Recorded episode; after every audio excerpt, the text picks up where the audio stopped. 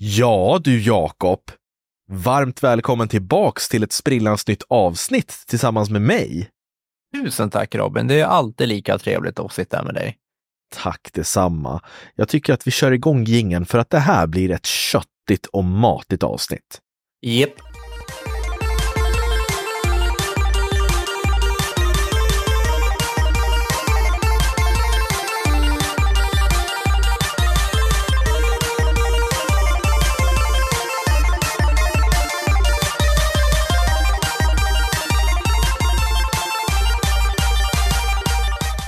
Sådär, varmt välkomna till Spelkväll med Robin och Jakob och det här är ett recensions slash State of Play avsnitt. Vi har nämligen spelat en hel del spel under januari och igår kväll från att det här spelas in så sände Sony en liten eh, State of Play video på sin Youtube-kanal där de visade upp kommande spel och vi fick en hel del nya saker och utannonseringar. Så det här ska bli väldigt spännande att gå igenom tillsammans med dig.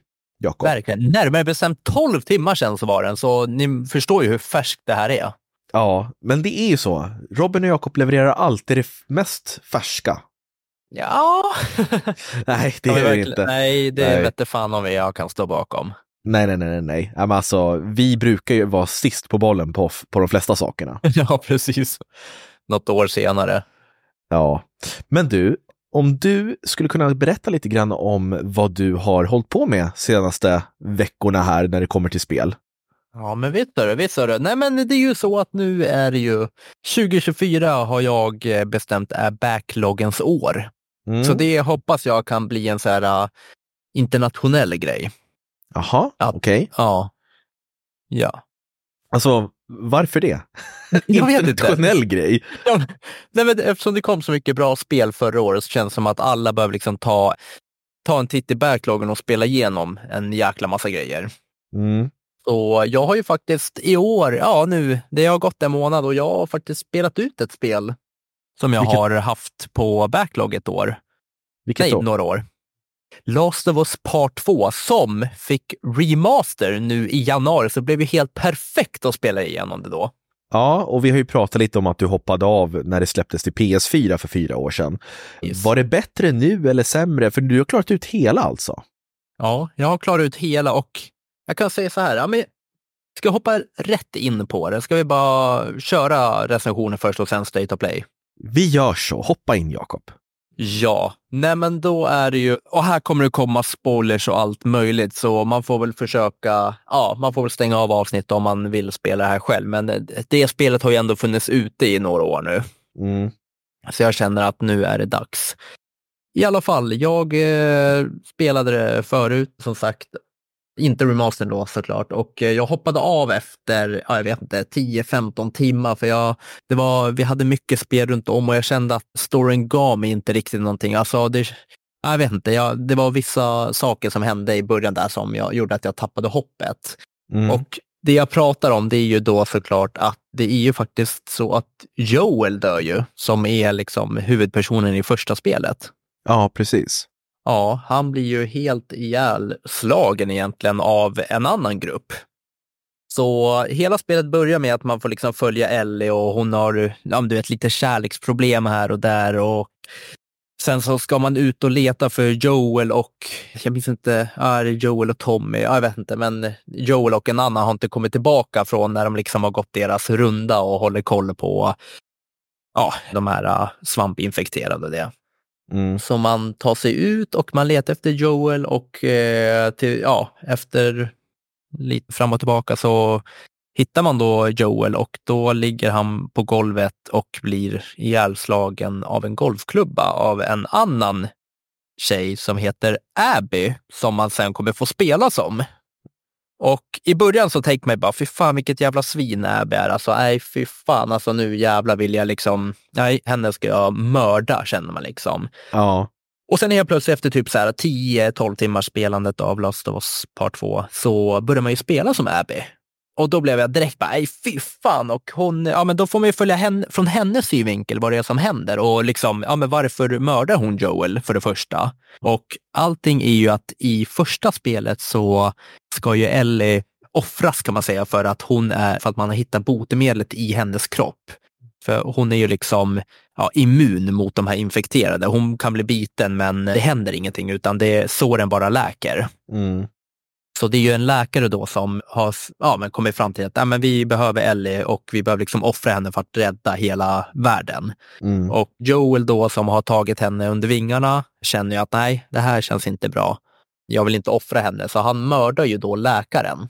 Mm. Och det, jag måste bara, får jag bara, Ja. får jag bara ja. hoppa in? För han den här läkaren, det är ju Abbys pappa, eller hur? Exakt. Så hon ska ju hämnas sin farsa, men jag tycker att det här är ganska B. Jag har inte spelat tvåan, men Mm. i första spelet, det har jag spelat två gånger, så kommer jag fram till den här scenen som är i slutet av spelet, där då han läkaren står inne i operationssalen och ska operera Ellie. Då säger han, men vi måste använda henne för att rädda mänskligheten. Och då kan man inte, man kan inte som spelare välja att inte skjuta honom. För jag tänkte så här, ja men det har fan rätt, mänskligheten är ju viktigare än Mm. Ellie. Men du blir tvingad, de forcerar dig att skjuta den här läkaren. Mm. Precis. Vilket jag tycker är så här, uh, okej. För jag tycker det hade varit Mm. bättre om jag hade fått välja att okej, och så hade man fått två slut istället. Men eftersom du, för jag, jag kommer ihåg att jag stod där typ tio minuter och så här, men han kanske springer iväg ifall jag sänker vapnet. Men Ja. det gick inte. Och jag tycker att det är Nej. lite dumt att bygga på den premissen då de tvingade dig till det här när man känner att man borde fått välja. Men skitsamma, yes. Ja, men det är ju faktiskt sant. Jag håller helt med dig. Och I alla fall, och då får man ju följa Abby sen. Då när du börjar spela som henne, då får du följa henne. Alltså det är mycket tillbakablickar och sånt, så du vet, bara för att de försöker knyta ihop de här känslorna som jag inte tycker att de riktigt lyckas med ändå. Att det, det är mycket så här onödigt du vet, spelande. Att ja, men nu är det en tillbakablick från när Ellie och Joel springer in i ett museum och när liksom, livet var bra och så. Men Mm. man har ju redan spelat igenom hela första spelet, så man vet ju vad de har för connection till varann. Ja. Så jag tycker att det den här utfyllnadsgrejen med att man ska, det är ändå säkert en, eh, ja men nu jag, men två, tre timmars spelande med bara liksom tillbakablickar. Men man vill ju framåt i spelet. Att man ju redan, det förflutna har varit, alltså nu vill jag liksom framåt och ge hämnd. Jag vill inte hålla på och liksom bli påmind om, ja gud, just det, Joel och Ellie, de sprang och småsnackade och du vet sånt där. Nej, precis. Och så när tillbakablicken kom, då blev jag bara irriterad. Men man får ju följa Abby då, där är det lite mer, ja men där förstår man att de har tillbakablickar. Och man följer henne och då får liksom se hur hon haft det hela livet och vad hennes pappa alltså har betytt för henne. Och man blir ganska så här, ja man hamnar lite mitt emellan. Så här, Okej, vänta, vill jag nu att vi ska döda Ellie eller vad fan vill jag? Alltså man blir bara så här, vänta, Ellie och Joel, de har ju varit riktiga jävla svin. Jaha, ja. Ja, så det blir ju verkligen så att man, man hamnar någonstans mitt emellan och man förstår ju att de här, att det ska ju vävas ihop sen, att man stöter på varann. Mm. Men hur som helst så, eh, jag kan säga att jag skulle säga att Last of Us Part 2, det är ungefär tio timmar för långt emot vad det borde vara. Mycket onödigt. Det känns som att du har kommit fram till tre perfekta slut, men, men där det bara fortsätter sen. Ja, det är inte bra. Nej, det, det, det, är, inte alls bra. Alltså, det, var så här, äh, bara, okej, ett perfekt slut, nu kommer det. Och sen så möts Ellie och Abby i en, ja du vet så här, äh, vad ska man säga, bossfight till exempel. En showdown. Som, ja, när det spelas som Ellie. Och ja, och det är samma sak där. Du får inte välja om du ska liksom döda henne eller eh, om hon fortsätter leva. Så du släpper ju iväg Abby och sen får hon fortsätta leva. Så hela den här jävla hämnden, att du har gett ut själv, var ju helt ja, meningslöst egentligen. Ja, men, För och, när du väl får chansen, då, då tar du inte den. nej, men, eller du som spelare får väl inte välja det? Det är spelet som, som tvingar dig att inte döda. För att något som hade varit, varit coolt, det är ju ifall du valde i första spelet att döda den här läkaren och sen nu i Mm. andra spelet få gå på den här liksom hämndjakten eller hämnduppdraget. Och sen så inser du själv kanske att nej, jag kan inte, det är inte värt hämnden. Mm. Och så Nej. väljer du själv att steppa, liksom backa, backa bort. Men nu blir du tvingad till det och det tycker jag är så här, låt spelaren ta beslutet. Mm. Ja, men precis. Och sen så är det ju, som jag sa, det är ju lite så här kärlek och drama och det visar att Ellie och Ellie blir ju tillsammans med en annan tjej Mm. och, eh, sen, och hon är gravid. Så hon föder ju barnet och sen så liksom blir ju Ellie och ja, men de, de blir typ som mamma. Alltså de, mamman får se att de har bildat en egen familj, de bor ute på landet och liksom har det bra. Och då från ingenstans, då får Ellie, hon har lite så här mardrömmar fortfarande. Du vet att hon får tillbaka mardrömmar när Joel blev slagen och misshandlad. Mm. Så då får ju hon så här att nej, nej, jag måste, jag måste avsluta det här för att, jag måste avsluta det här med Abby för att liksom kunna fortsätta livet. Och då säger du vet den här i princip, ja men om du drar så kommer jag då, då är jag borta sen när du kommer tillbaka. Då tappar du hela familjen. Hon bara, ah, jag måste. Och du vet, där blir jag så här, men snälla, det där hade varit det perfekta slutet. Bara, ni bor ute på landet, ni har det bra. Alltså stoppa där. Mm. Nej, men mm. då så ska man ge sig ut på ett nytt äventyr och då så ska man leta upp Abby för att leta upp henne och inte ens döda henne.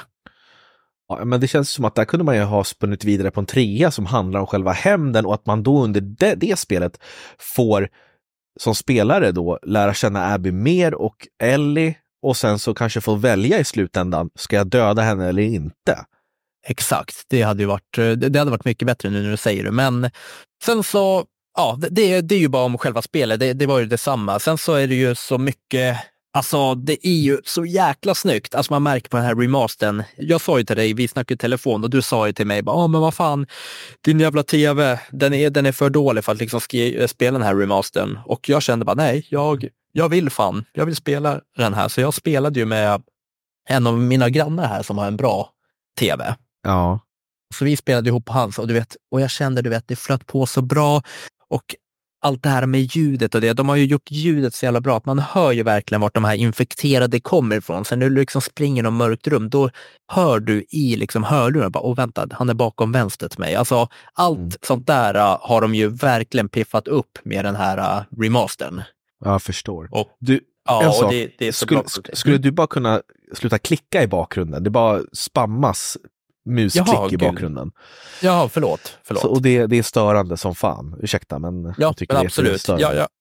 ja, jag förstår det. Nej, men eh, så det, det, var egentligen allt jag eh, hade att säga om den. Att all, de har gjort det jättebra, så även om spelet inte är ett av mina favoritspel så har de ju verkligen gjort det jättebra med den här remastern och de har piffat upp den och den är riktigt snygg. Alltså du vet, det är så små, ibland kunde jag bara ställa mig och kolla på typ så solnedgång när så här ljusstrålar kommer in bland träd och det är väldigt, väldigt snyggt om man jämför med hur det var från när jag spelade första gången. Mm. Ja, men fan vad kul. Så, vad, vad får det för betyg då? Ja, det är ju det. Det får ändå jag sträcker mig ändå till fyra av fem, även fast jag låter negativ det hade, hade det varit, jag tror faktiskt på riktigt att hade det varit några timmar kortare så hade det nog gått upp lite mer, kanske på en 4,5. Men jag tycker lite för långt för att, ja, lite för långt och utdrag. Och sen så är det mycket så här osynliga väggar och de kastar in ja, lite så här dialoger som måste ta slut innan du kan fortsätta och du vet sådana där saker som också förstör lite. Mm. Ja, men 4,5. Jag tycker absolut att man ska spela igenom det om man inte har gjort det, för det är ju en gripande historia. Är det. Ja, absolut. Ja, men mm. eh, grymt. Tack så mycket, Jakob. Tack själv. I'm mm. out. I'm out, ja precis. Mic drop, eller hur? Ja. Men jag tänker då sprinta igenom några av mina spel, för vi har ganska mycket att täcka idag. Mm. Och det första spelet som jag tänker prata om, det är Apollo Justice Trilogy. Och det här är mm. en samling på tre stycken Ace Attorney-spel som har blivit remasterade i HD och släppt till eh, men, Switch och Playstation bland annat. Och det här är ju då en hyllning till Apollo Justice-spelet som kom till Nintendo DS och sen Phoenix Wright Ace Attorney Dual Destinies och Spirit of Justice som kom till 3DSen. Och mm. de här två, Dual of Destiny och eh, eller Dual Destinies och Spirit of Justice, de blev bara digitalt släppta för oss här i Europa. Så att det är kul nu att de har släppt det på Switch till nuvarande konsoler, för annars fanns det ju inget sätt att få tag på det, för Nintendo 3DS är i princip död nu. Mm. Och det här är ju tre kanonspel. Visst, sista Spirit of Justice kanske är lite over the top för min smak när det kommer till hur de här morden har skett och det. Men du spelar ju som eh, försvarsadvokaterna Apollo Justice, Phoenix Wright och Athena Sykes. Och så hoppar du mellan olika fall och får stå i rättssalen och lösa mord och korsföra vittnen och visa upp bevismaterial som eh, du kan använda då för att vinna ditt fall och få din klient frikänd. Och det finns inte så mycket att gå in på utan att liksom förstöra storyn, men det, det, är liksom, det, det här heter ju Apollo Justice Trilogy för att det handlar om honom och hans resa. För i Phoenix Wright Trilogy som vi fick för massa år sedan till Switch, där får vi liksom slutföra Phoenix, ska man säga, hans legacy, hans arv. Och här får vi då mm. följa Apollo Justice som är en ny karaktär. Och visst, det här kanske inte är lika bra som första trilogin för att det är mycket upprepning och många fallen känns lite, som sagt, over the top och det känns lite för overkligt.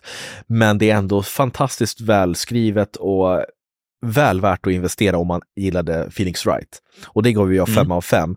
Och jag ger det här 4 av 5 för att det finns okay. väldigt mycket extra material för de som redan har spelat spelen. De har lagt till ett nytt läge där man kan lyssna på musiken från spelen och lyssna på så orkesterversioner av de här som inte finns någon annanstans. Så det är sånt jättetrevligt. Ja, sånt där älskar jag. Titta, gå i gallerier, titta på artwork och sånt. Ja. Så att Apollo Justice Trilogy får 4 av 5. Ett jättebra spel. Mm, ja, vad kul. Och jag tänkte, ska vi bara hoppa igenom eh, Tecken 8 också som har släppts som eh, jag har varit inne och touchat lite. Jag gillar inte fightingspel, men du har ju också spelat det. Precis, och jag ska ju vara ärlig, jag har ju inte heller be bevandrat i, liksom be tagit mig in i fighting-genren mer än Dragon Ball och sen Mortal Kombat 1 som släpptes förra året, som jag tyckte var väldigt, väldigt bra. Men Tecken har ju jag spelat hos kompisar när jag var liten. Jag spelade Tecken 3 hos dig och din bror, kommer du ihåg det? I Mjölkebo. Det kommer jag inte ihåg. Nej, och det var så himla häftigt. Man tyckte att det var coolt när alla de här karaktärerna hoppade runt och använde de här mest överdrivna attackerna och finishersarna och sånt där. Och det är bara ett jäkligt mm. coolt spel. Väldigt, väldigt Playstation-aktigt skulle jag säga. För mig är tecken synonymt med, med uh, Playstation. Mm. Men här då, tecken 8, det är alltså det är mer av tecken. Eller vad ska jag säga? Man, man kan eh, liksom delta i flera olika lägen eller mode som det heter. Det finns single player, det finns multiplayer och sådär. Och vi har ju inte liksom fördjupat oss i multiplayer så, men jag har spelat några timmar och fått liksom känsla för det. Och jag tycker att det är bara en följsam kontroll, sjukt roliga karaktärer och liksom, ja men det är klassiska karaktärer. Och sen mm. så har du de här ja, men finesserna som, som man känner är lite next gen, liksom, när det kommer till just kontrollen och grafiken. Att det känns som tecken för nutida Playstation-konsoler. Mm. Och jag vet inte ja, vad, vad du har att jämföra med egentligen. För att som sagt, jag har inte spelat tecken 7 eller 6 eller 5 och sådär. Så att för mig är det ju tecken 3 och 4 som, som jag minns mest och det är ju ett stort steg framåt. Men om man jämför med Mortal Kombat så är det ju här lite mer Ja, men det är ju mer japanskt såklart eftersom det är ett japanskt spel. Men det skiljer sig. Det, det, den här teckenkänslan är intakt för er som ja. har spelat tidigare. Ja, och jag tycker alltså, jag är ju ja, jag är ju ingen fan av eh, fightingspel som jag har sagt ja, flera gånger. Men jag är lite chockad med att hur mycket ändå alltså, taktik det var i det här. Alltså det är ju ja. inte bara hack and slash känner jag och jag tyckte alltså miljön, alltså allting runt om var jävligt häftigt. Vet. Jag spelade på någon typ, vad var det, någon isbana med så här fin skog bakom. Alltså det är mycket mer, förut kändes det som att man verkligen var du vet, på en plattform. Alltså bara en rak plattform. Men nu är det verkligen så här, nu kan man ju röra sig lite höger och vänster känns det som. Så jag ska erkänna, jag tyckte det var bättre än vad jag trodde att jag skulle tycka. Ja, men både du och jag var ju så här, okej, okay, det här är ganska coolt faktiskt. Alltså, ja. vi gick in med inställningen att det här, det här är typ ett tre av fem spel av någon anledning. Ja, men, men, precis. men båda bara, men det här, det här var helt okej okay för, för oss som inte är insatta i tecken. Men det, det var kul ja, att testa på. Ja, men faktiskt. Sen blev jag lite chockad att det ändå var så mycket typ cutscenes och det. Alltså, jag tänkte bara gå in i en fight, nästa fight, nästa fight. Alltså, men att det ändå är lite story som man kunde följa med och så. Mm. Och sen, alltså, för en annan så är det typ omöjligt att hålla koll på alla karaktärer och deras relation till varandra. Ja, tycker jag i alla fall. Ja, ja men verkligen. Nej, men som sagt, jag, för en som inte gillar fightspel så var jag ändå positivt överraskad och jag skulle ändå ge av, den här, av det jag spelade, alltså, ja, jag säger nog fyra av fem på grund av att det är ett, ett bra fightingspel. Det händer inte jätteofta jag hittar ett sånt. Jag, jag är benägen att hålla med dig, alltså helt och Vad hållet. Kul. Det ja. känns som att har man en liksom PS5 och är sugen på action actionspel som inte är klassiska tredjepersonsskjutare, så Mm. kör Tekken 8. För det här är riktigt jävla bra. Det, är, det vore jäkligt kul att dra ihop alltså, du vet, ett, ett gäng med kompisar och köra en turnering en kväll. Mm, det hade säkert varit en riktigt rolig grej. Ja, men då så. Men ja, fyra det var, och fyra och fem. Ja, det var tecken 8 i alla fall. Mm. Var det. Jag är ju lite sugen på att hoppa in på State of Play. Har du något mer spel? Jag har två till spel och du har ett spel också. Ja, tänker du på Yakuza? Ja, eller Like a Dragon som det heter. Ja, Men jag Men, kan eh, då... Ja, förlåt. kör du först. Ja, Jag, säga. jag tänker då berätta om ett spel som är en remake och ett spel som är helt nytt som jag faktiskt inte trodde skulle vara så bra som det är. Och vi kan, kan väl ta det till att börja med. Och det är Prince of Persia The Lost Crown. Och det här är då ett, ja, men nästa del i Prince of Persia-serien helt klart. Och den här serien har ju varit död i väldigt många år eftersom Assassin's Creed tog över facklan när det kom till spel där man sprang och klättrade på saker. Mm. Och förr i tiden så kom, när, ja, men under eran när GameCube och Playstation 2 och Xbox fanns, då kom det ju en hel del Play, Prince of Persia-spel. Och du spelade som en prins och var akrobatisk, skulle liksom slåss lite tredje persons action och lösa pussel med att springa på väggar och hoppa och sånt. Nu har man gjort The Lost Crown till ett 2D, 2,5D Metroidvania. Och då tänkte jag först så här, hur ska det lösa sig? Alltså hur ska man få in den här känslan av att man är Prince of Persia? Så tycker jag att den här designen på den nya prinsen, den stämmer inte riktigt överens med prinsen från de spel jag växte upp med. Men jag tycker Mm. att det här är ett riktigt kompetent Metroidvania-spel för att du har det här klassiska du hittar förmågor som gör att du kan ta dig till nya platser som du inte kan nå tidigare. Och sen så kan du använda olika saker du plockar upp för att crafta nya vapen eller uppgradera vapnen rättare sagt.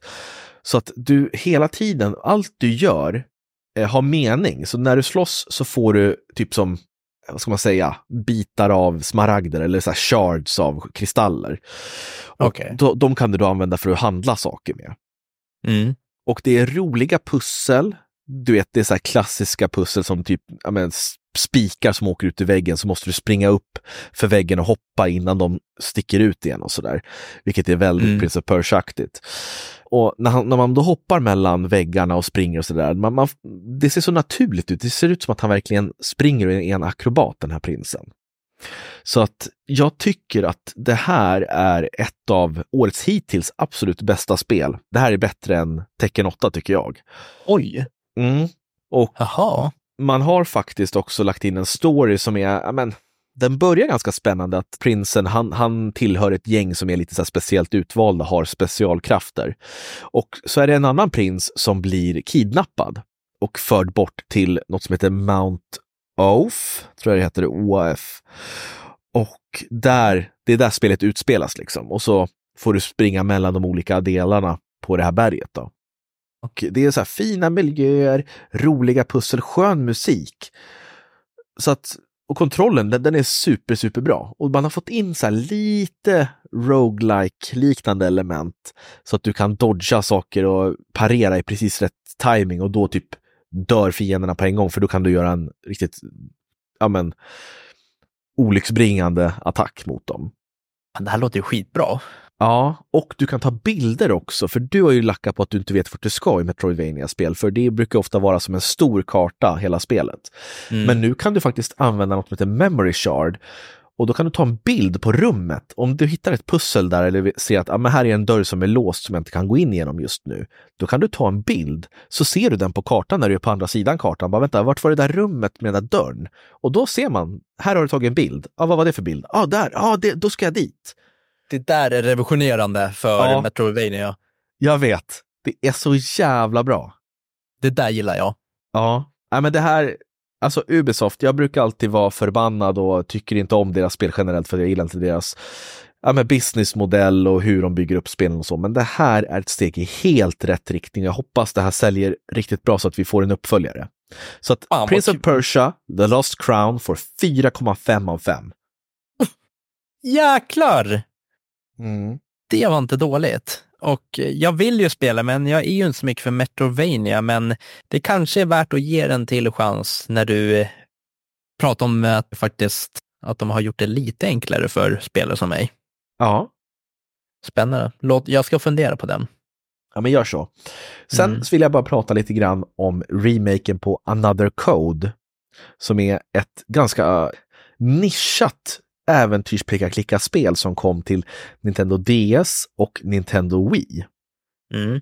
Och nu ska jag dra lite bakgrundshistoria här, Jakob. Nu blir det Robins nördprat, typ, om det är okej. Jaha.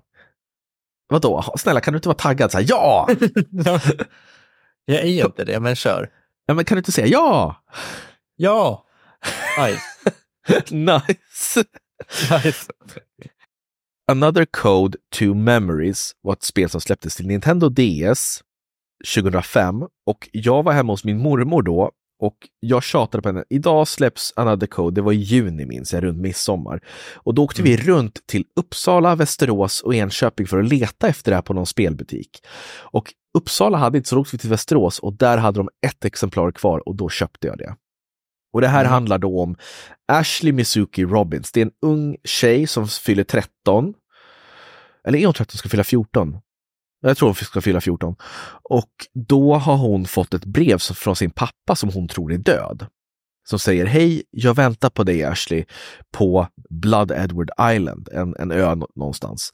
Eh, förlåt för att jag Okej. inte har berättat att jag lever, men jag förklarar allt när du kommer. Så hon sätter sig på en båt tillsammans med sin faster, hennes pappas syster då, och åker till den här ön och hon ställer frågor. Varför har inte du berättat att min pappa lever? Ja, men, han sa att jag inte fick berätta förrän han sa att det var tid att du, att du var mogen för att förstå.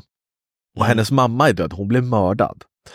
Så att någonting har med hennes mammas död att göra, varför pappan har varit, hållit sig gömd i de här, alla de här åren. Och det här är ett spel som är jag minns att jag tyckte det var lite obehagligt, för det, det pratar mycket om död och att växa upp. Och det var precis, jag skulle också fylla 14 det här året. Precis som hon i spelet. Ja. Och, och i spelet så, fy, så fyllde hon år 22 augusti, precis som jag. Så det var som att, shit, hon, hon och jag är, är på samma våglängd.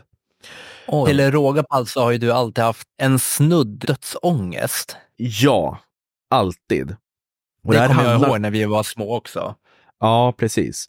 Och i det här spelet, så när hon kommer till ön så försvinner hennes faster efter ett tag. Och den här båtmannen som kör med båten, han, han åker därifrån. Så Ashley själv på ön och måste leta nu efter sin faster och sin pappa och eventuellt vem det är som är brottslingen. Då. Mm. Och då måste man springa runt och lösa ja, men du vet, omgivningsbaserade pussel. Och på den här tiden så använde man DSens touchskärm. Det var ju en ny feature att man hade den pekpinnen och skulle så här, dra med, med pennan Just på skärmen och sånt. Så då skulle man veva ner en bro och då skulle man liksom veva med pennan, du förstår. Så Mm. det var väldigt många sådana pussel. Och efter en stund så träffar Ashley på ett spöke som kallar sig för D. Eller D, bara bokstaven D. Han, Ja. glöm, han, han, han, minns ingenting, men han, det är ett, ett barnspöke. Han, han, han har dött ungefär i den åldern som hon är i. Ashley alltså. Så att det blir också att man ska försöka lösa hans död på något vis. Samtidigt som man ska hitta sin pappa och det här. Och det är ett mysigt spel. Det har ganska långsamt tempo. Det händer inte så mycket. Det är några plot points på vissa ställen som är så här, oh, där, det där var lite twistigt och en plot twist och sådär. Men generellt sett så är det ett ganska långsamt och ja, men, lugnt spel. Som Okej. jag tror det är ganska nischat. Jag minns att när, när det kom så blev det ganska sågat för att det var inte så speciellt roliga pussel. Men jag, jag tyckte om storyn. Det var lite så här tankeväckande med döden och allt där. Sen några år senare så kom det en uppföljare som heter Another Code R, R, Another Code R till Wii. Det spelade jag aldrig. Jag eh, missade det. Men nu har alltså de här två, Another Code, Two Memories och Another Code R, har fått en remake och blivit ett paket till Switch. Och det gillar du? Och jag gillar det här. Man har byggt om det från grunden. Nu är det röstskådespelare. Hela grafiken är ny, hela motorn är ny. Det är ett helt nytt spel egentligen. Och man har bytt ut pusslerna Mm. så att det ska passa Switch, för nu finns det ju ingen touchskärm längre. Men som sagt, det är ju långsamt det här spelet och det tar ju, det är ganska långt. Men det är en fin berättelse och- och är man van vid typ spel som Final Fantasy 16 till exempel, där allt handlar om att hela världen står på spel, då kommer man bli lite besviken för skalan av storyn i det här spelet är inte så omfattande utan det handlar om Ashley och hennes lilla familj. Det är inte större än så. Men det är väl värt att spela om man tycker om mysterium och ja, men lite mer känslor. Så att Mm. Another Code Recollection som det här heter får 3,5 av 5. Och Okej. Det, det som drar ner betyget är att det är långsamt, grafiken är inte jättebra, det är tekniskt är det ganska undermåligt, det laggar lite ibland, det känns lite styltigt att gå. Men det är roliga pussel och storyn är intressant. Ja. Bam! Så! Wow! Alltså, jäklar du. Vilken, vilken recension och vilken anekdot jag fick. Ja, verkligen. Ja. Jag får tacka för det, jag får tacka för det. Men du minns inte att jag spelar, för jag pratar ju jättemycket om det här just under det året. Alltså, jag kan, se, jag kan säga så här, äh, när vi var yngre, alltså du pratade väldigt mycket om saker som jag inte brydde mig. Ungefär Eh. som nu då, eller? Ja, ungefär som nu.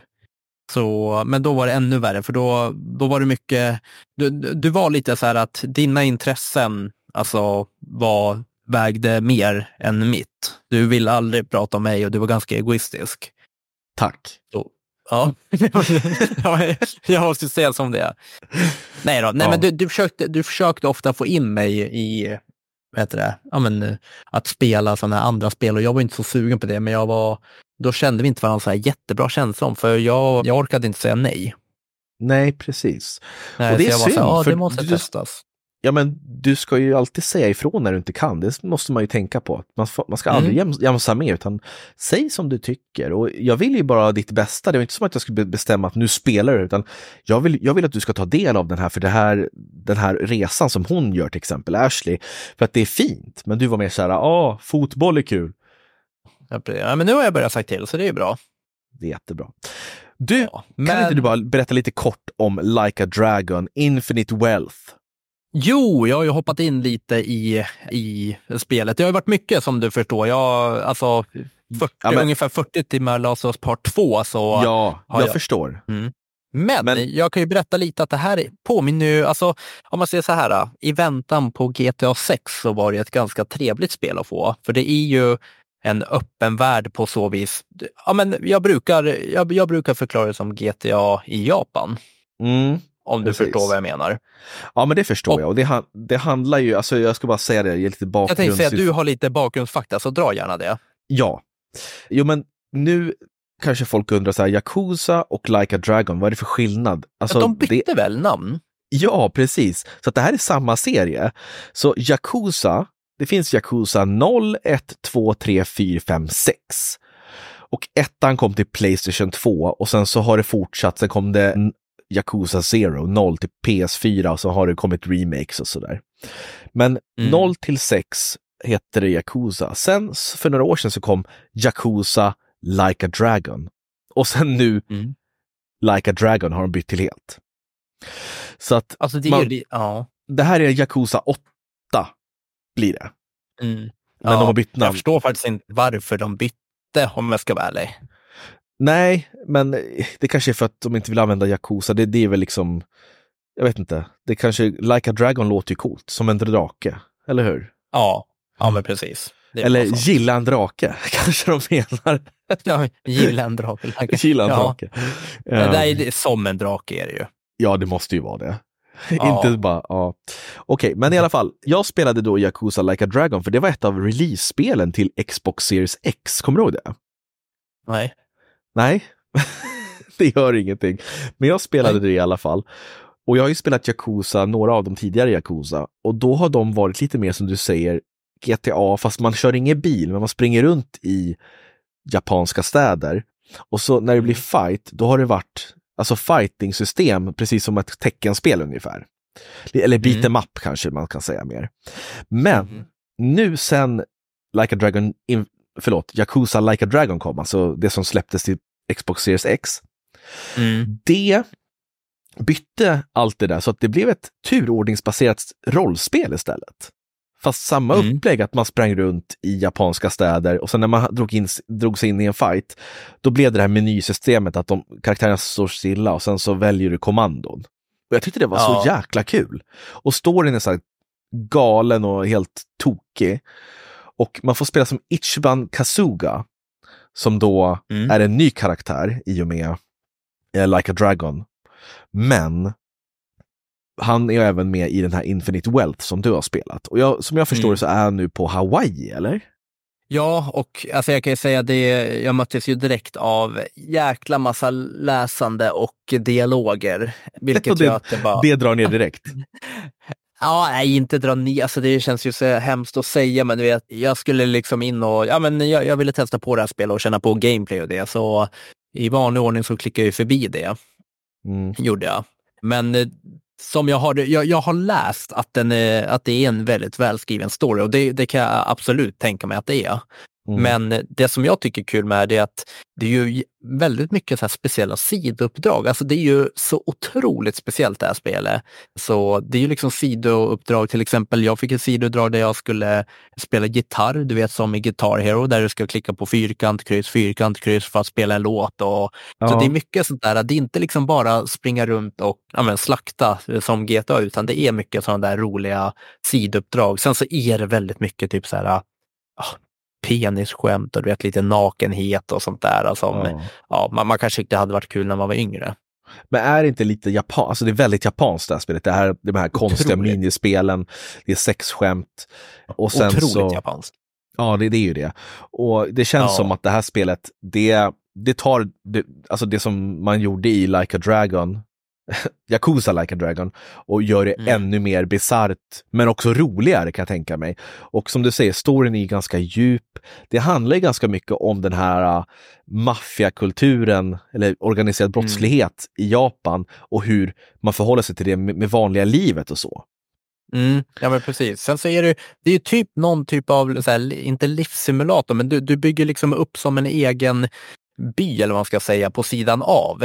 Ja, just det, just det, precis. Ja, gör man. Så där har jag inte heller varit inne och touchat utan jag ville mest eh, känna på hur det känns. Och jag, jag kommer nog eh, fortsätta hoppa in i det här men jag kommer nog inte, alltså jag, det är ju runt 40-50 timmar. Det, det är för långt för oss äldre som faktiskt har jobb och familj och liknande. Ja men precis, och jag älskade ju det här Yakuza Like a Dragon, men som du säger, jag har svårt att hitta tid. Mm. Ja, men det blir ju det. Ja. Men i alla fall, Men det- berätta, berätta, betyg, vad blir det på Yakuza Infinite Wealth efter hur många timmar? Du har spelat 5-10 timmar? Jag tror att jag eh, kollades exakt sex timmar och sex och en halv timme tror jag det blev. Mm. som jag var inne och nej, men en rak 3,5 av 5. För det, det var, jag gillade de här små sidospelen och sidoprojekten som folk kanske inte tycker jättemycket om. Jag vet inte. Men det var de jag tyckte var roligast och dels för att jag kanske inte hängde med i storyn så som man ska. Får jag fråga, körde du engelsk röstskådespel japanskt? Ja, engels, engelskt och allt. Okej. jag.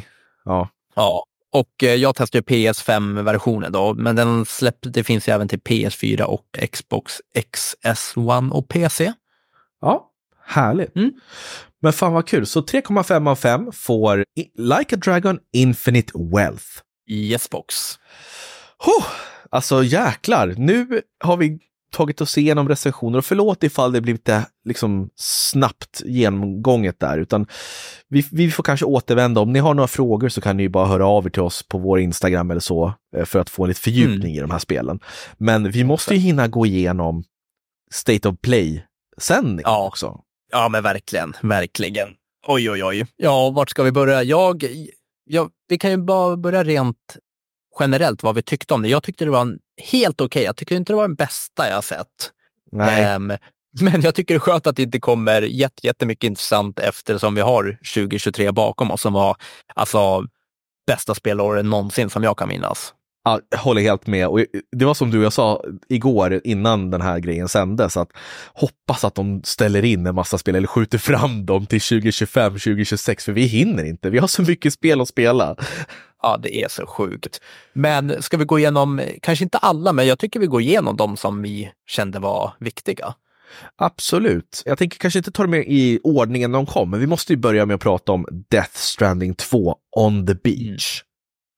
Ja. Eh, Och den här tra- trailern, det är ju vad är det, tio minuter i princip av Hideo Kojima tokigheter. Det är ju Norman Reedus som är huvudkaraktär igen, som springer runt och bär på bebis och det är talande dockor och det är alltså allt möjligt tokigt. Ni kan ju tänka er Death Stranding fast uppvridet några mm. varv. Och jag förstår inte riktigt någonting av den här storyn som presenteras i trailern, men det är väldigt snyggt grafiskt och tekniskt. Mm. Och det verkar ju som att man kommer springa runt eh, i en stor öppen värld igen och göra uppdrag som en typ brevbärare eller lever leverantör av, av något slag. Ja, ja, men man såg väl till och med att det var lite, alltså samma, ja, men samma typ miljö och stuk egentligen. Ja. Ja, och Death Stranding, det är ett sånt jäkla udda spel. För jag har ju spelat det både till PS4 och PS5 och PC. Men jag, jag kan liksom inte Alltså jag kan inte bestämma mig om jag tycker det är jättebra eller bara okej okay, eller dåligt eller jag vet inte ens. Det känns som ett konstprojekt mer än ett spel på något vis. Mm. Ja, men det är väl, jag, jag hoppade in i det lite, men nej. Ja, ja, ja du, du hade ju spelat så mycket och du skulle ta recension och jag kände bara nej, jag orkar inte hoppa in i det. Det var, det var väldigt speciellt om jag får säga det själv. Ja, ja men jag, jag hade, jag tror, alltså vet du vad, jag måste nog ge det en chans till. Jag måste klara ut det och vad heter det, Ghost of Tsushima. Ja, PS5, köra om dem. Ja. Men Death Stranding 2, jättecool trailer och det kommer mm. 2025 till Playstation 5. Och i och med det här så fick vi även reda på att Hideo Kojima kommer samarbeta med Sony för att skapa ett unikt spel i en helt ny spelserie som handlar om spioner eller tactical spionage som de kallar det för. Vet du vad jag tänkte, tänkte direkt på? Jag tror du också tänkt på det. Mm, vadå? Metal Gear Solid? Ja. Alltså, det, väl... det var det första jag tänkte på. Ja, men det är väl lite hans grej också. Han är ju känd för att göra tactical espionage games och nu får han ju inte jobba med Metal Gear Solid längre, Hideo Kojima, eftersom Nej. han inte är vid, vid eh, Konami. Så nu ska han starta något eget. Mm. Ja, otroligt. Vi, vi, vi satt ju här innan och så här, vad tror du det kommer heta då? Alltså det kommer inte vara, det kommer inte heta Metal Gear Solid såklart, men kommer han typ göra en liten så här, alltså en parodi på namnet bara för jävlas? Typ istället för metal, wooden, gear, ja men inte vet jag, typ plastic. Eller no, alltså inte vet jag, wooden någonting plastic. Inte fan vet jag. Nej, ja för det slutade väl inte så bra där. Nej, alltså, det, blev, eller... det, det, var ju en tråkig historia. Det blev liksom, de strök hans namn från eftertexterna på Metal Gear Solid 5 och jag vet inte fan hur det där gick till egentligen. Nej, ja, ja, tråkigt i alla fall. Ja. Ja, men sen så fick vi se lite av, av ett spel som jag ser fram emot jättemycket. Och när vi ändå var inne och pratade om till exempel Ghost of Tsushima så fick vi se lite Rise of the Ronin. Ja. Ja, och det är, alltså enligt mig, jag vet inte, men det ser ju precis ut som Ghost of Tsushima, tycker jag. Jag vet inte ja. vad du kände när du såg trailer, men du, förutom att du kan glida, ja men eh, lite Ghost of Tsushima och Assassin's Creed, du mycket så här glida runt verkar som, hoppar lite från hustak och det, men just fighting-scener, alltså det var ju en kopia och du vet motståndare, sådana här stråhattar och det och miljön ser liknande ut, så det här ska bli jättespännande att se vad det är. Ja, det såg faktiskt väldigt, väldigt fint ut. Och du har ju som sagt snöat in på den här japanska samurajkulturen. Ja, alltså efter Ghost of Tsushima så blev det ju så. Ja, och ja, det är bra. Och... Jag, jag, tycker också den är jättemysig. Så ja, det, här, det, här, är värt att kolla in och det finns en ascool trailer som de visade också. Och det släpps den 22 mars. Ja, det, var, det är så pass? Ja. Ja, ja jäklar. Och det jag tänkte säga också, är att man märker att de har tagit efter mycket av Ghost of Tsushima. Typ så här i fight, du vet när du slåss och det i battle så märker man att ja, men du vet, parera är viktigt och parerar du så kanske han snubblar till och då kan du gå på efter det och liknande. Så jag tror att det kommer bli väldigt lik Ghost of Tsushima och det ska bli spännande att se vad de kan göra för att sticka ut därifrån. Ja, och det får vi som sagt se den 22 mars. Mm, precis. Sen Exakt. vill jag lyfta mm. ett spel som jag tycker såg riktigt coolt ut och det är Judas. Ja, som just. Ken Levines nya spel och han ligger ju bakom Bioshock som mm. alltså är ett fantastiskt spel. Helt fenomenalt. Speciellt Infinite tycker jag, det är min favorit i den serien. Mm. Och här verkar det som att vi, alltså estetiken på, påminner väldigt mycket om Bioshock. Det var ja, men typ mekaniska fiender som såg ut som att de var byggda i en retrofuturistisk anda. Och man spelade då som en kvinna som heter Judas. Och eh, jag vet inte så mycket om, alltså man fick lite så här äh, hintar om att hon kommer springa runt i först, det är ett första persons actionspel och man skjuter och grejar och har någon form av övernaturliga krafter och kan skjuta, det var någon projektil hon sköt med, med, med handen och sånt. Vilket är väldigt mycket Bioshock. Men det kändes som att det, det handlade om lite sci-fi vibbar också. Att det var rymden och sånt. Mm. Så att vi får se vart det här tar vägen. Men jag är så glad att vi får något nytt av, av den här skaparen för att Infinite, det var ju 11 år sedan det kom. Bioshock mm. Infinite. Så det är dags nu med ett nytt sånt typ av spel. För jag älskar storydrivna första persons actionspel. Det är fan det bästa jag vet. Ja, vad kul. Och sen så måste jag ändå nämna, vet du, Silent Hill fick vi ju två lite inflikningar om. Ja, och vad tycker du om Silent Hill 2-trailern? Alltså jag tycker både den, jag tycker det är short message. Vad, vad är det för något egentligen? Ja, vi kan börja med Silent Hill 2. Okej, okay. mm. ja. Nej men som sagt, du har ju pratat upp Silent Hill, jag vet inte hur mycket genom åren och jag som är liksom skräckfilmfantast, jag borde ju liksom ha varit där och eh, testat på det egentligen, men det har jag aldrig. Men av att döma så, jag får ju, jag tycker det känns mycket som Resident Evil, jag vet inte om jag har fel. Vet du vad? Jag håller helt och hållet med. Just den här yes. trailern, för att Silent Hill 2 originalet, det var mycket mer fokus på äckliga kameravinklar och ganska mycket tystnad, för det var inte så mycket musik och det var inte mycket skjuta heller. Men Nej. det här kändes som att det var Resident Evil 4. Ja, men lite åt det hållet faktiskt. Jag blev lite chockad att eh, jag fick, jag tyckte det var så likt ändå. Ja, och man springer runt med shotgun och pistoler och så skjuter man, och det är tredje persons action. Och så var det så här jättemycket, ja men typ musik inblandat när man mm. sprang runt och sköt. Och, alltså det jag minns av Silent Hill 2, det är nästan ingenting från, från fienderna och stridssystem, utan det var den här äckliga stämningen. Och den, den tycker jag inte alls fanns nu. Det kändes som att det var Leon som sprang runt från Resident Evil 4. Ja, ja men jag, jag håller med. Jag, jag, jag, är lite orolig faktiskt. Jag trodde det här skulle bli riktigt, riktigt bra. Och visst, det är bara en trailer, men de visade så mycket strider och skjuta och grejer. Så att vi får se vart det här landar någonstans. Men hittills så känner jag mig lite otaggad faktiskt. För Resident Evil gör det där så bra. Det är lite deras grej nu. Mm. Men vi får se, det kanske blir jättebra ändå. Vi får hoppas på det. Och det här short message, det tyckte jag bara, ja, jag vet inte, vad, vad är det? Det är ett kort spel som är helt gratis att ladda ner nu idag till Playstation 5. Ett kort mm. single player-spel som är okay. i första person. Och eh, det berättar någon berättelse om, om, om en kvinna tror jag det är. Jag vet ingenting mer om det, utan jag tänker spela det här och inte alltså läsa på om vad det handlar om. Nej. men, men förmodligen, förmodligen kanske det är något som hintar om något som kommer vara med i Silent Hill 2 eller kanske om ett helt nytt Silent Hill-spel. Men det här är helt gratis att ladda ner nu och det är ett single player-spel. Ja, ja men då så. Då, det, det var därför jag tyckte, det såg inte, inget ont mot det, men det såg ju inte jättevast ut. Det var därför jag blev lite så här, jaha, vad är, vad, vad, vad är det här egentligen? Ja, jag förstår. Nej, men det kanske är någon demo eller bara test. De testar ifall folk tycker om det, så kanske de bygger ett spel på det sen. Ja, men precis. Och sen så det enda, det sista jag bara vill nämna, sen får du ta över om du har något mer, men det är ju bara, jag tycker det är kul att det kommer remake till Until Dawn.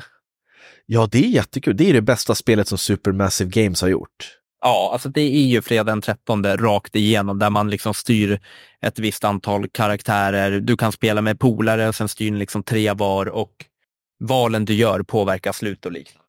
Ja, och det här är ju, som du säger, det här är fredag den 13 rakt av utan att vara, utan att heta. Hade liksom, det skulle kunna varit det om man bara bytt ut namnet till fredag den 13. Ja, men precis. Nej, så det här ska bli jättekul att se vad, vad det blir av det. Ja, verkligen. Grejen är ju den att jag tänker så här, men det var inte så länge sedan det kom, men det var ju tio år sedan det kom. Ja, jag vet, det är ju sjukt länge sedan. Det är det som är så jävla stört. Så att det kanske behövs en remake ändå, men samtidigt så det går väl att spela PS4-versionen på PS5. Vi kanske borde hoppa in i det och kolla hur det ser ut. Men vem mm. vet, de kanske lägger till mer story-content och olika slut och sånt. Men det ska bli jättekul att hålla koll på. Mm, ja men verkligen. och sen, just det, vi har inte sagt någonting om releasedatumen på Judas och Silent Hill 2. Det, vi fick ingen releasedatum på dem. Vi vet bara att det är på väg. Ja. Until Dawn, det kommer i år 2024, förmodligen mot hösten här. Mm. Precis. Sen så ville jag prata lite grann om Stellar Blade 2. Jag har inte spelat ettan, men Stellar Blade, eller 2, Stellar Blade menar jag. det är ett helt nytt spel som ser ut att vara ett hack and slash-spel med, ja, med robotar och, och liksom jättetuffa kvinnor och sånt. Och jag tycker det såg lite spännande ut för att jag tycker det har varit lite lite hack and slash nu på sista åren. Mm. Så det kan vara värt att titta in. Stellar Blade, kolla in trailern, den var riktigt cool. Sen fick vi en trailer på ett spel som också kommer 22 mars. Dragons Dogma 2. Ja, men just det. Och alltså det så här är det, Mm, innan, innan du går in. Jag, jag kollade bara lite på ja, men gameplay men no, det är någonting med sådana här spel, du vet med Dragons Dogma, när det är lite så här fantasy, det är, ja, men man hör på namnet, det är lite drakar, kan det vara. Alltså det är alltid någonting som tilltar att man vill spela dem. jag vet, och det här känns verkligen som den perfekta fantasin på något vis. Du vet, det är trolldom, det är magi, det är medeltid. Det här känns verkligen så som jag tänker när jag tänker fantasy. Ja. Och det här är ju ett alltså, RPG. Man springer runt i en stor öppen värld och det, grafiken är fenomenalt snygg. Det verkar vara ett roligt äventyr. Hoppas på att storyn är bra. Jag har inte spelat Dragon's Dogma 1, men jag har laddat ner till Switch. Mm. Så jag ska, jag ska försöka titta, ta en titt på det innan det här kommer. Men det här släpps också 22 mars, så vi har mycket att göra den 22 mars, Jakob. ja, det kan man säga att vi har. Wow. Eh, Men kolla in trailern. Action, Dragons Dogma 2 Action Trailer het- heter det den trailern som släpptes igår och den är fenomenalt bra. Mm. Sen så bara kan vi nämna att Sonic X Shadow Generations kommer. Sonic möter liksom Shadow i Generations-spelet. Sen så har vi ett spel som är, jag vet inte vad det var, såg ut som ett fightingspel. Sendless Zone Zero, vet ingenting om det, jag tyckte inte det var så intressant, det var väldigt alltså japanskt anime-stuk på det. Jag tyckte det såg lite generiskt ut. Och sen Ja. fick vi en grej på Foam Stars, det som är, många säger är en kopia av Splatoons, fast att man skjuter bubblor och skum istället för färg. Just det. Och jag har för mig att eh, Sony har sagt så här, sluta kalla det för, för, för en kopia, det här är Foam Stars, det är ett helt nytt annat spel. Men jag tycker det ser väldigt mycket ut som Splatoon. Ja, det gör det ju. Men jag förstår ju dem också. Ja, och det var någon information, en trailer om season information. Ingenting jag kommer titta på. Nej. Sen fick vi Dave the Diver, det här indiespelet som kom förra året som många älskar. Det kommer till Playstation. Sen så Bland annat kommer, du gillade det. Jag älskar det. Helldivers 2 får- fick vi en Mm. trailer på, såg coolt ut. Det var lite tredjepersons eh, action. Mm. Sen Sen, fick hade vi lite VR, va? Var det inte Met Metro Awakening, Awakening Jo, vad det var till VR? Exakt, VR. Och det, direkt där så, så dör det för mig. Ja, det här med ja. För V-Rising då? V-Rising, det såg lite ut som, förlåt, Metro Awakening, det kommer 2024. F- Ett nytt spel i Metro-serien. Första persons, V-Rising! första persons action. Och det är till Playstation VR 2, om ni är intresserade. Mm. V-Rising. V-Rising, det såg ut som ett Diablo. eh, Diablo-spel, precis. Ja, lite Man enklare, s- typ Diablo 2-remaken. Man, man ser det snett ovanifrån isometriskt perspektiv och man kanske är en, alltså det handlar om vampyrer och sånt. Det vore lite coolt. Ja, men faktiskt. Det, det, det tyckte jag såg väldigt intressant ut. Och sen så det sista som vi kan nämna det är Legendary Tales som också är ett VR-spel till Playstation VR 2 och såg ut som ett fantasyspel där man håller i ett svärd, man är någon slags, riddare och såg lite småmysigt ut faktiskt. Men som sagt, jag har ingen PS VR 2 kommer inte skaffa det någonsin. Inte jag heller. Så att där har vi det som visades upp på Playstation State of Play och Wow. Ärligt talat så tycker jag att det var ganska bra. Alltså det var inte alls fyska, men jag tycker många av spelen ser intressanta ut. Många men, nyheter ändå. Och det känns som att Playstation har en riktigt bra line-up om man jämför med Xbox till exempel. Mm. Det har de. Verkligen. Men jag måste säga, inget av de spelen de visar upp nu trumfar min förväntan på Indiana Jones-spelet som Xbox visade upp. Fy fan vad det ser bra ut. Det såg riktigt bra ut. Ja, lite un uncharted. Alltså det är ju uncharted, så är det bara. Men eh, fy fan, vad hoppas de kan eh, dra en liten twist. Och kul med en ny story istället för att fortsätta på ett uncharted-spel. Så det ska bli jättekul. Ja, verkligen. Men vad tycker du då, Jakob, om det här eventet? Tycker du att det är något särskilt som, som, som ser Ja, lite helt- helt extra okej. bra ut?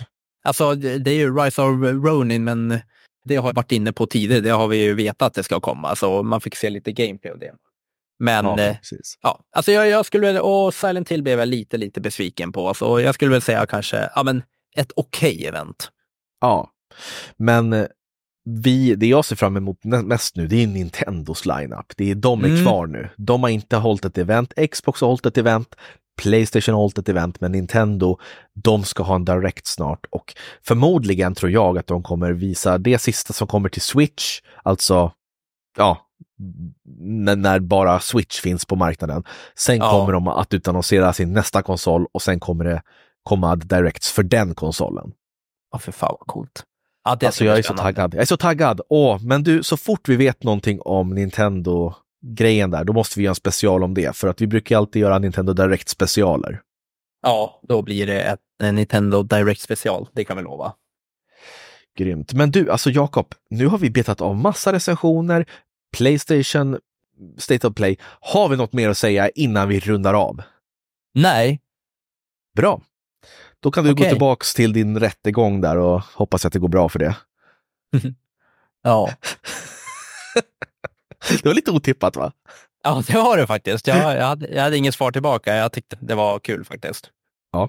Ha, hörni, tack så hemskt mycket för att ni har lyssnat och vi finns på Instagram, där heter vi Spelkvall Podcast. Ni kan mejla oss på podcast spelkvall.se och vi finns på Youtube också, där heter vi Spelkväll med Robin och Jakob. Ha det så bra hörni!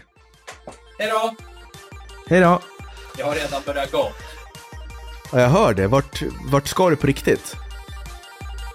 Ehm, jag, jag måste ut med hunden. Okej, ha det så bra. vi hörs.